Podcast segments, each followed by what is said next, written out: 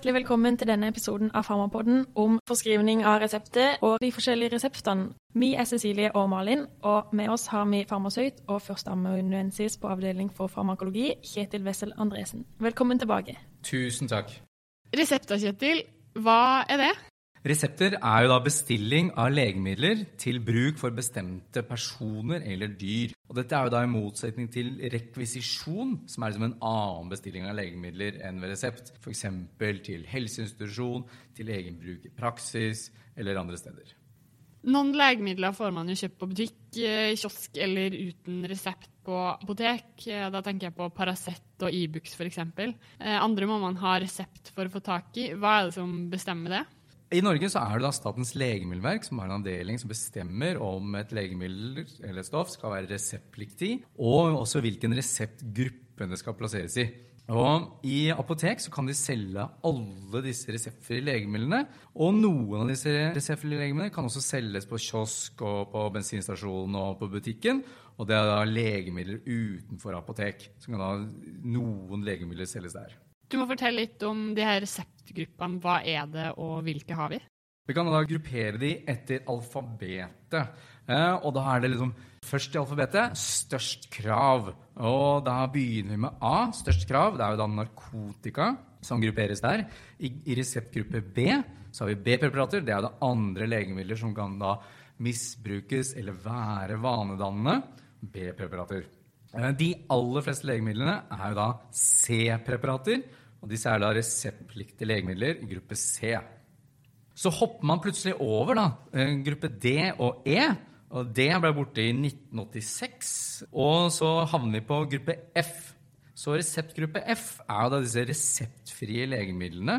Og noen ganger så kan det da være en avgrenset mengde av et C-preparat som er da unntatt reseptplikt. Og der har vi jo Paracet og Ibux er jo da de to mest kjente der, som er de du brukte i stad. Alle disse legemidlene uten resept så bruker da uttrykket OTC, over the counter, og brukes det liksom en samlebetegnelse på alt som selges reseptfritt. Ja, jeg skjønner. Vi skal snakke mer om forskrivning senere, men først må vi snakke mer om disse ulike reseptgruppene, fordi de har jo egne retningslinjer. Hva kan du si om den første gruppa, A-preparatet eller såkalte narkotika? Jo, for disse A-preparatene, narkotikaene, så er det da mest restriksjoner, og da er det da spesielle regler. For det første, så da er det jo e-resept, som eh, er jo da egentlig å foretrekke for disse her. Eh, disse kan da ikke reitereres. eh, Og selvfølgelig når det gjelder resepter, så er det da unntatt, og vi kan da reiterere de hvis de skal skrives på folketrygdens regning. Når du angir hvor mye du skal gi av dette A-preparatet, så må du skrive det både med tall og bokstaver for at det skal være entydig hvor mye som skal utleveres. Hvis du ringer en telefonresept, så får du kun lov til å forskrive minste standardpakninger eller tilsvarende tre døgndoser. Og resepten oppbevares da i apotek og registreres der. Da vi hadde undervisninga om det her for noen år siden, så hørte vi om spesialblanketter. Har man det lenger?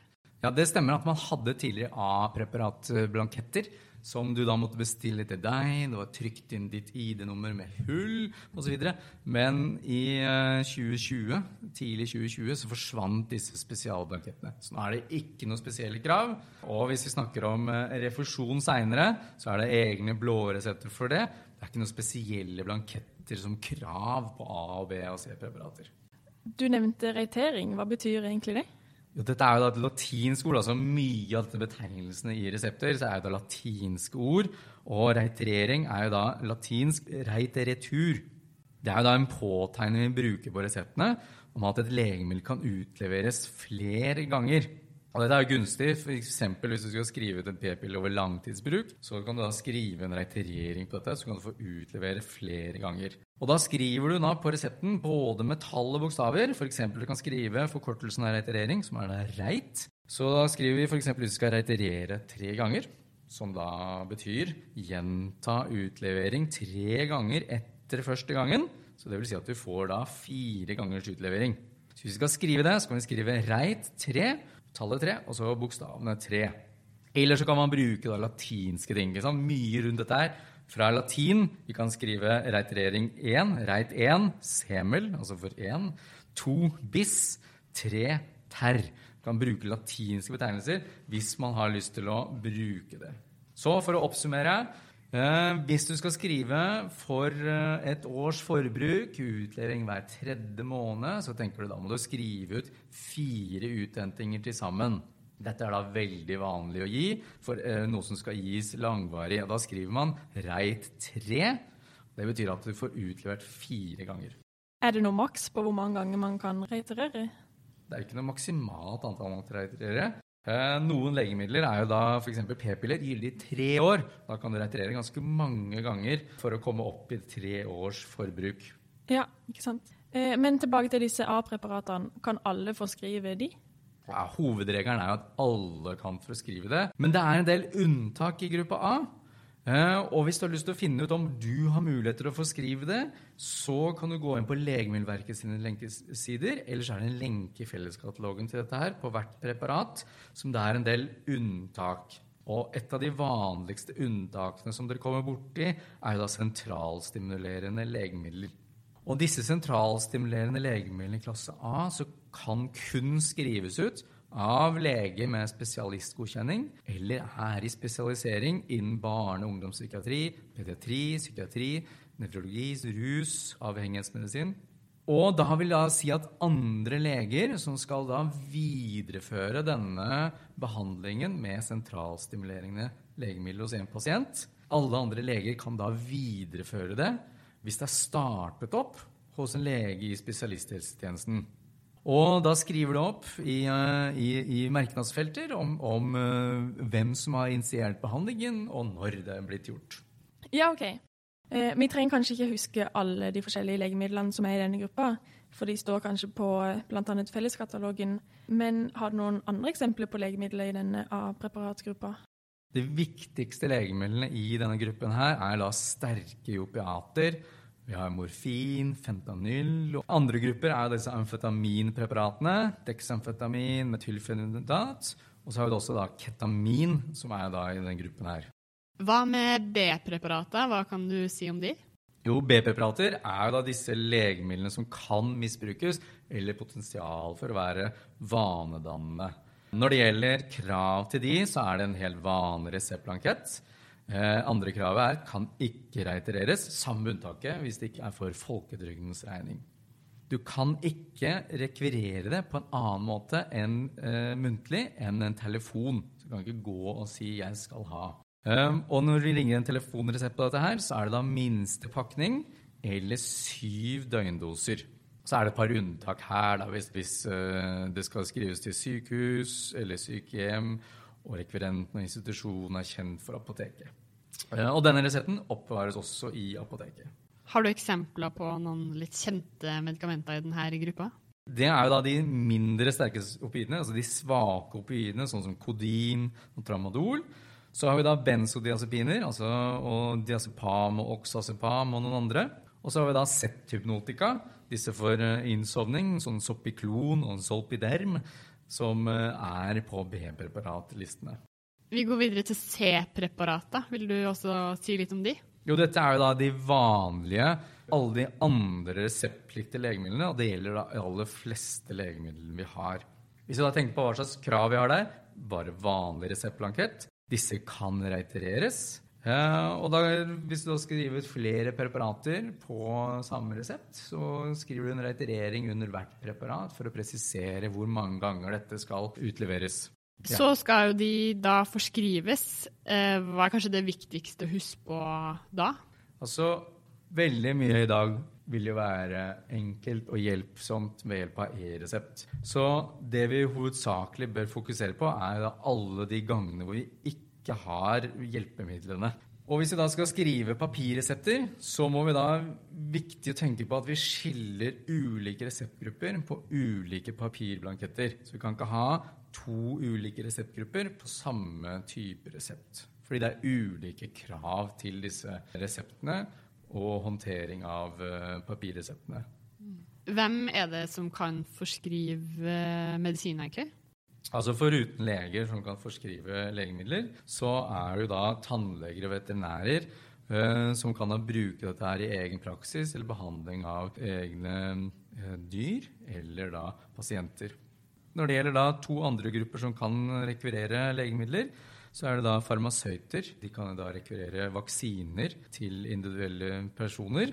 Og det er en diskusjon om de kan i tillegg til å bruke influensavaksine, også kan foreskrive covid-vaksine. Mm. Når det gjelder helsesykepleiere eller jordmødre, så kan de foreskrive prevensjonsmidler. Ja. Vi som medisinstudenter, eh, kan vi forskrive noe? Eh, dere kan jo også skrive, for dere, dere, har jo midlertidig lisens som lege. Og dere kan forskrive når du under arbeid ved sykehus eller en annen helseinstitusjon, eller når du er assistent og praksiserende lege. Men du har ikke adgang til legevirksomhet av selvstendig karakter. Så det betyr at eh, du må bruke reseptplaketten til ansvarlig lege eller sykehus. Du må bruke tittelen din, StudMed. Og du kan foreskrive alle B- og C-preparater, men da kun i denne godkjente arbeidssituasjonen. Kan man miste retten til å rekvirere noen legemidler? Ja, det, det har man mulighet til å bli fratatt den rettigheten av Statens helsetilsyn. Eh, hvis man enten misbruker forskriving av A- og B-preparater, eller du har lyst til å si fra deg eh, muligheten til å foreskrive A- og B-preparater, så har du altså mulighet til det. Er det noen generelle regler for rekvirering av legemidler? Ja, sånn Hovedregelen er at det skal være en resept eller en rekvisisjon som da skal være skriftlig. Enten en e-resept, skrevet elektronisk, eller en blankett. Et alternativ til dette her er jo da å bruke muntlig, altså en telefon, eller å bruke en telefaks. Men eh, disse to har jo da en del begrensninger på A- og B-preparater. Når det gjelder eh, reseptene som du foreskriver, eh, enten som e-resept eller blankett, så er de gyldig i ett år etter utstedelse. Hvis du ikke påfører noe, at det ikke er mulig. Og da er det da unntakene her er jo da hormonelle antinkonseptive, altså p-piller og sånt, er jo da tre års gyldighet av reseptene. Og så har man en del ønsker om å hindre antibiotikaresistens, som gjør at man kan begrense gyldigheten for enkelte resepter til ti dager for antibiotikaforskrivning. Det viktigste når du tenker på rekvirering, er at du må gjøre det av rekvirenten personlig. Det er jo i strid med forskriften. La de andre overføre telefonresept eller en eller annen muntlig rekvisisjon. Og så er det også for leger i utskriving av legemidler så er det da kun til humanmedisinsk bruk. Så hvis hunden din er syk, så ikke finn på å leke veterinær. Det er bedre å gå til veterinæren for å foreskrive et bra preparat til hunden din. Er det motsatt for veterinærer, at de bare har lov til dyr, og ikke kan skrive ut til naboen eller seg selv? Det stemmer helt riktig. Så tannleger og veterinærer skriver ut til bruk i sin praksis. Ja, ikke sant. Eh, så går vi til de forskjellige reseptene. Elektronisk e-resept er vel den mest brukte nå for tida. Kan du fortelle litt mer om denne? Jo, e-resept er jo da veldig bra uh, for å sikre god kommunikasjon mellom lege, apotek og pasienten. Og når man skriver en e-resept, så da, foretrekker man helst eh, at man bruker det. Og man, når man gjør det, så kan man da gjøre virkestofforskrivning. Altså Man trenger ikke å forholde seg til eh, et preparatnavn. Man kan bruke da virkestoff for å sikre en overgang der. Dette skriver du ut på PC-en din, og dette sendes da til en database som kalles da reseptformidleren. Og I reseptformidleren så har da både pasienten tilgang til alle reseptene sine ved hjelp av eh, mine resepter på Helse Norge. Eller så kan de gå på et apotek og oppgi personnummer og legitimering. Så kan apoteket ha tilgang til eh, reseptformidleren og få ut resepten så de kan ekspedere det. Og legen har jo også mulighet, hvis pasienten tillater, til å se alle reseptene som pasientene har på e-resept fra forskjellige leger. Eh, hvis pasienten av en eller annen grunn har valgt å blokkere tilgang for resepten, kan de det. Og da, kan, da, må de ha et referansenummer som de må oppgi på apoteket i tillegg. Men det aller viktigste her er denne tilbaketrekningen. Så det er ikke så veldig lett å trekke tilbake alle disse fysiske papirresettene du har gitt en, en, en, pasient når de skal seponere et legemiddel. Men det er veldig mye lettere i reseptformidleren, hvor du kan trekke tilbake de legemidlene som ikke skal brukes lenger. Ja, det må jo være veldig greit. Eh, men du har jo nevnt at papirresepten er den som man brukte mest før, og som ble fylt ut på papir. Kan du si litt om hvordan den egentlig skal fylles ut? Jo, ikke sant? På papir så har du ikke noen retningslinjer. Du har liksom ikke noen felt du må fylle ut, sånn som på e-resept. Du må jo da stole helt på at du kan dette her. Og dermed så er det viktig å kanskje fokusere på hva skal være med på denne resepten. Da vil jeg gjerne tenke på at vi har da syv punkter vi skal være med. ikke sant? Først er det da rekvirenten. Hvem er du? Navnet ditt? Hvilket ID-nummer har du? Hvilket yrke? Hvor utøver du denne virksomheten? Og hva slags telefonnummer kan du bli kontakta på? Og så neste er jo da pasienten. Hva heter pasienten? For etternavn, hvilket kjønn, fødselsnummer, og hvor bor denne pasienten? Det neste er jo da opplysning om legemiddelet. Du skal gi da navnet på legemiddelet eller virkstoffet, hvilken doseringsform og styrke eller sammensetning og mengde. Og Eksempelet da er f.eks. å skrive da Brufen, navnet, tabletter, doseringsformen, 200 mg, som er da mengden, og så antallet, så kan du skrive NO 100. Det gir ut 100 stykker av dette preparatet. Neste du kan skrive på, er hvordan legemidlet skal brukes. Det er jo veldig viktig for pasienten å vite. Og hva har jeg fått disse legemidlene? Eh, er det betennelsesdempende? Er det mot eksem? Så du kan skille preparater fra hverandre. Neste er jo da hva slags dosering skal pasienten ha, hvor lenge skal du bruke det.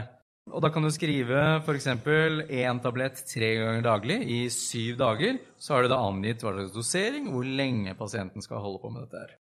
Hvis du overskriver den høyeste doseringen, så kan du da understreke det eh, ved å skrive da både tall og bokstaver hvis du overskriver den høyeste doseringen.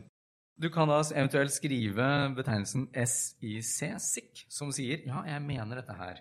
Og bruke det som en betegnelse for å signalisere til apoteket jeg har tatt hensyn til at dette er en overskridelse av den høyeste doseringen.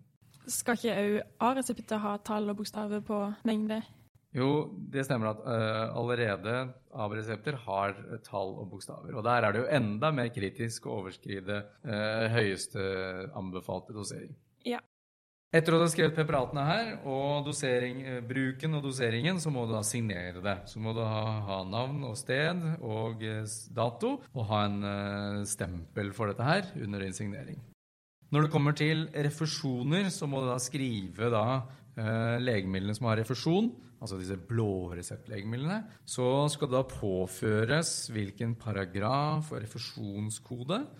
Eh, og da bruker du enten ICPC-koder eller ICD-koder, avhengig om du er på sykehus, ICD, eller om du er fastlege, så bruker du ICPC. Ja, Hvor mye mangel kan det egentlig være før resepten blir ugyldig?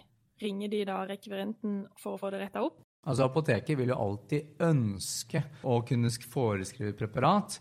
Eh, så det er viktig at du er tydelig, eh, at det ikke kan misforstås det du har skrevet. Så hvis det, hvis det ikke misforstås, eller hvis, har, hvis, det er noe du har glemt å fylle ut, eller det er tvetydig det du har skrevet, så vil jo da apoteket prøve å komme i kontakt med deg. Det er jo veldig lett, for du har jo skrevet opp telefonnummer du kan bli kontaktet på. Så vil ikke apoteket ringe deg og sørge for at det blir klarhet i hva du egentlig mente. Eller hvis du overskrider doseringen, så kan dere da bli enige om hva bør den riktige doseringen være.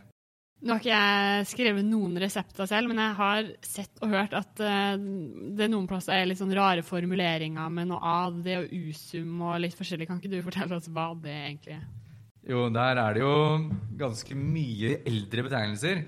Uh, det har jo en viss placeboeffekt og få behandling for noe, så skal jo dette her, eh, er det en del betegnelser fra latin som går igjen for å opprettholde litt dette mysteriet og mystikken rundt dette med resepter.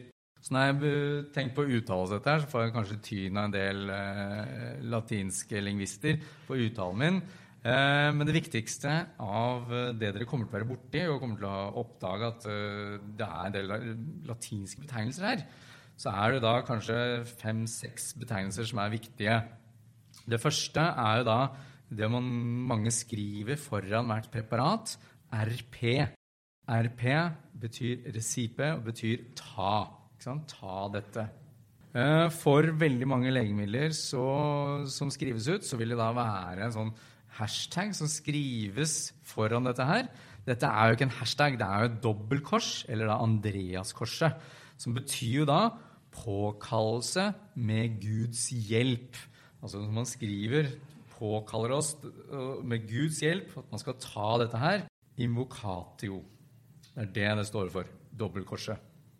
Som i dag eh, omfatter som eh, hashtag eller ruter eller bruk på Insta eller andre steder. Ja, ikke sant? Det kan kanskje ikke være så intuitivt for pasienten, da. Det her. Jeg har aldri hørt om det er forkortelsene selv. Nei, Det er jeg helt enig i. Og det er noe som brukes i dag mest som en separator for å skille mellom to forskjellige preparater. Så Ja. setter man ofte en hashtag imellom, og da er det egentlig Andreas Korset man setter imellom der. Og det har vi ikke noe enkelt i tastaturet vårt for å skrive det, så det blitt hashtag. Ja. Så det her er egentlig mest kanskje for den som rekvirerer og apoteket, da, og et samarbeid der. Ja, Kommunikasjonen mellom de to for å skape en god separator har det blitt til. Ja. Selv om det da tradisjonelt sett da har da vært noe mer. Ikke sant. Så skriver vi ofte eh, på noen preparater så skriver vi DSSN. Vi tenker vanligvis at det betyr dosering. Det det egentlig står for, er en forkortelse. Detur signur sunomine. Så det betyr gi, undertegn med medikamenters navn og bruksanvisning. Så det betyr dette her skal da gis til pasienten og skrives på akkurat det som kommer etter dette ordet her. Gøy. Så det var litt morsomt. En annen ting dere kan skrive på, er hvis du skal skrive til eget bruk. Så kan du skrive til eget bruk, eller så kan du da skape enda mer mystikk rundt dette her, og da skrive ad usum propium. Det betyr rett og slett på latin til eget bruk. Ja. Har man noen eh, egne eh, ord for ulike administrasjonsformer også, kanskje? Av de du kanskje får bruk for å vite noe om, er jo da unguentum, som betyr salve. Og hvis du skal dosere noe som dråper, f.eks. aposelindråper, så er betegnelsen, latinske betegnelse for dråper er gutta. Da har vi, lært, eh, vi har lært mye nytt, men det her var i hvert fall helt eh, nytt for meg. Så det var interessant. Hva er det vi må huske ved telefonreseptet? Når det gjelder telefonresepter, så må du da selv ringe og diktere den resepten. Så den, den skal du diktere da til en farmasøyt på apoteket, hvor farmasøyt skriftlig nedtegner dette her. Når det gjelder en ø, telefonresept, så er den bare engangsekspedisjon og kan da ikke reitereres. Og som jeg sa i stad, så har det disse mengdebegrensninger for A- og B-preparater. Så er det, har det apoteket en del eh, rutiner for å kontrollere rekvirentens identitet, spesielt da for A- og B-preparater, disse med misbrukspotensial osv. Mm. Hva med telefaksresept? Jeg vet ikke hvor mye det brukes lenger, men kan du fortelle litt om det? Telefaksresepter brukes nok eh, mye i multidose i dag, mindre i annen bruk. Altså E-resepter eh, har jo tatt over for det. Men det er fortsatt lov å sende en telefaksresept. Da må du skrive at det er telefaksresept, og kun ekspederes på det apoteket du har sendt det til. Originalen er jo da ikke lenger gyldig. Den er også bare en engangsekspedisjon og uten reiterasjon. Og det er denne her vi ikke kan tillate for A-preparater, og så er det en begrensning for B-preparater. Ja, Så det er kanskje den som er minst viktig å lære seg? Det er helt riktig. Minst viktig og minst bruk av telefaksresept i vanlige behandlingssituasjoner. Har du tilgang til en PC, så har du som regel mulighet til å skrive en e-resept. Gjør det lettere for pasienten, kan hente hvor som helst. Slipper dette her med faks. Eh, Veldig ofte når jeg skulle hente ut resept på apoteket, så har de spurt om jeg ønsker en billigere, helt lik variant. Hva kommer det av? Det er fordi at vi ønsker da generisk rekurering, eller sånn virkestoffforskriving. Det ønsker vi. Fordi det betyr at det fins flere legemidler med identisk virkestoff og har lik formulering og lik farmakokinetikk. De blir sett på som likeverdige. Og man kan da bytte fritt mellom disse her uten at det har noe klinisk eh, signifikant forskjell mellom forskjellige preparater. Ja, jeg skjønner. Vi kommer mer tilbake til dette når vi skal snakke om refusjon i en annen episode. Hva gjør ansatte på apotekene med reseptene? Har de noen spesielle oppgaver? At de ansatte på apotekene må jo da kontrollere at doseringen er riktig, og sikre også at pasientene bruker legemidler korrekt. Sånn, da skal jo da farmasøyten skaffe liksom alle nødvendige opplysninger hvis resepten er sånn mangelfullt ut, utfylt. Eh, og, eller hvis det er sånn tvil i tolkningen av resepten, eller grunn til å tro at rekvirenten har begått en feil. Eh, I tillegg til det så skal de kontrollere at resepten er ekte, og det er jo kjempelett på e-resept, hvor det er en verifikasjonsverktøy. De kan også skrive selv ut en nødresept hvis eh, pasienten ikke lenger har en eh, resept på et preparat, Og man må sikre at de får legemiddelet allikevel en viss periode.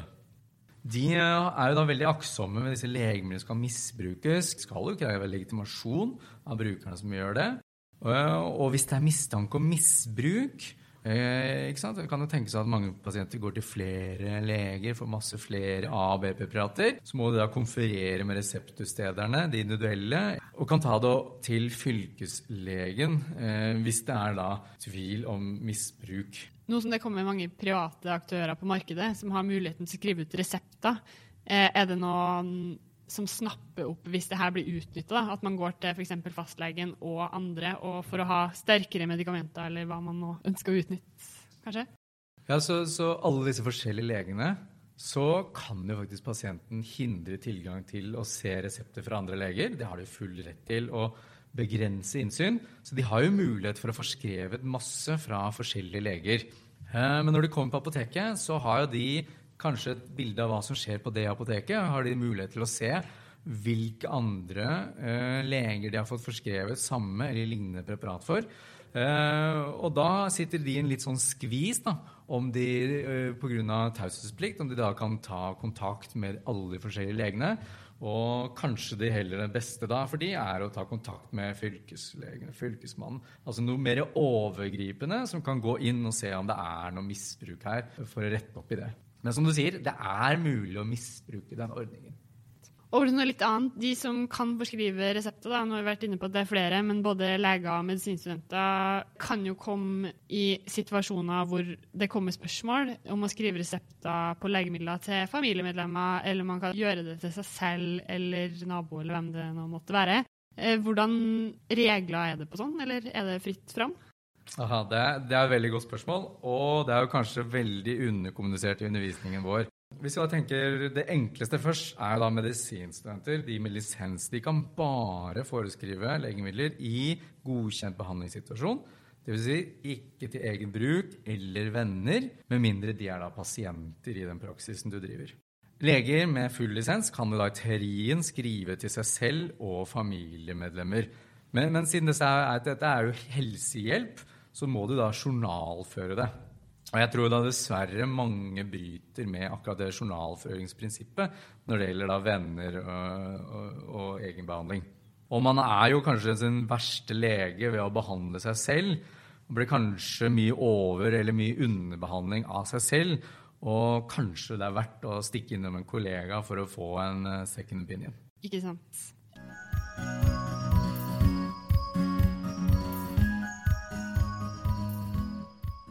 Da har vi lært mye om eh, resepter og forskrivning. Vil du oppsummere hva du husker, Malin? Ja, det kan jeg prøve. Resepter det er en bestilling av legemidler til bruk for bestemte personer eller dyr, eller til bruk i egen praksis. Det er Statens legemiddelverk eh, som bestemmer om et legemiddel skal være reseptpliktig, og i hvilken reseptgruppe det skal plasseres. For vi har ulike reseptgrupper. A, B, C og F. Gruppe A er narkotika. De har mest restriksjoner og spesielle regler. De kan ikke reiteres med mindre de er på blå resept og um, dekkes av eh, staten. Mengde skal angis med både tall og bokstaver. Og hvis man bruker telefonen for å ringe inn resept, så kan man da kun forskrive minste standardpakning eller tilsvarende tre døgndoser. Så har man gruppe B. Det er andre legemidler som kan misbrukes eller som er vanedannende. De kan heller ikke reiteres med mindre de er på blå resept. Forskjellen fra gruppe A er at gruppe B ikke trengs å skrives med både tall og bokstaver, og man kan på telefonresepten her skrive ut for sju døgndoser i stedet for maksimalt tre. Gruppe C er de øvrige reseptpliktige legemidlene, og her finner man de fleste legemidlene. De her legemidlene er de eneste som kan reiteres på vanlig hvit resept. Da skal man skrive både med tall og bokstaver, f.eks. reit, og så tallet tre, bindestrek, og så tre med bokstaver. Reit 3 betyr da at resepten kan brukes tre ganger etter første henting.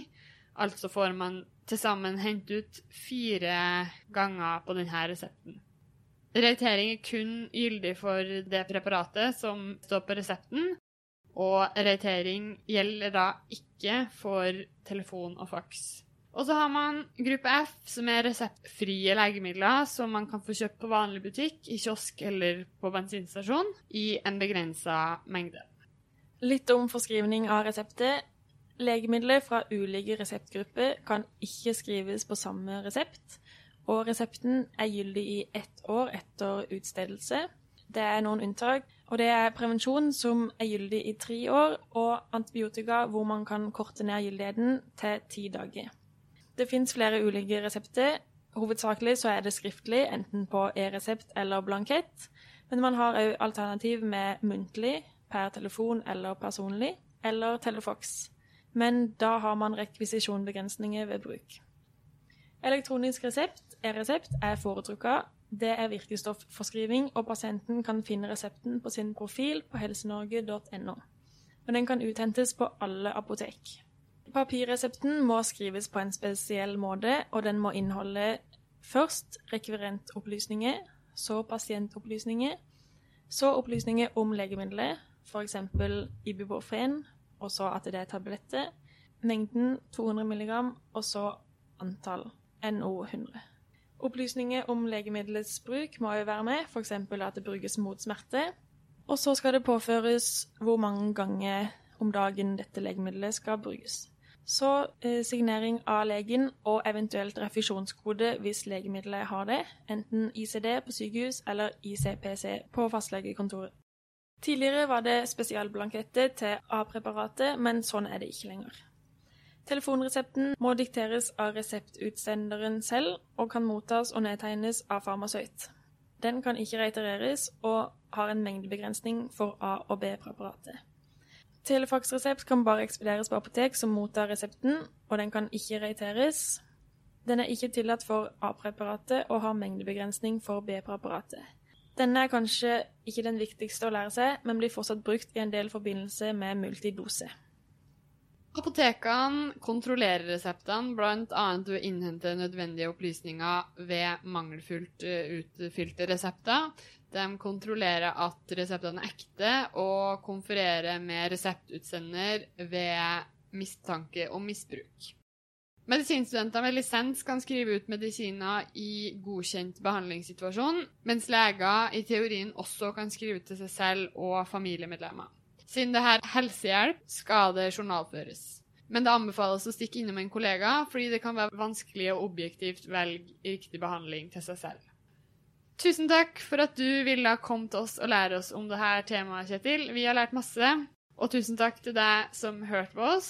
Hvis du har noen spørsmål, send oss gjerne en mail eller ta kontakt på sosiale medier. Vi høres igjen. Ha det bra! Ha det!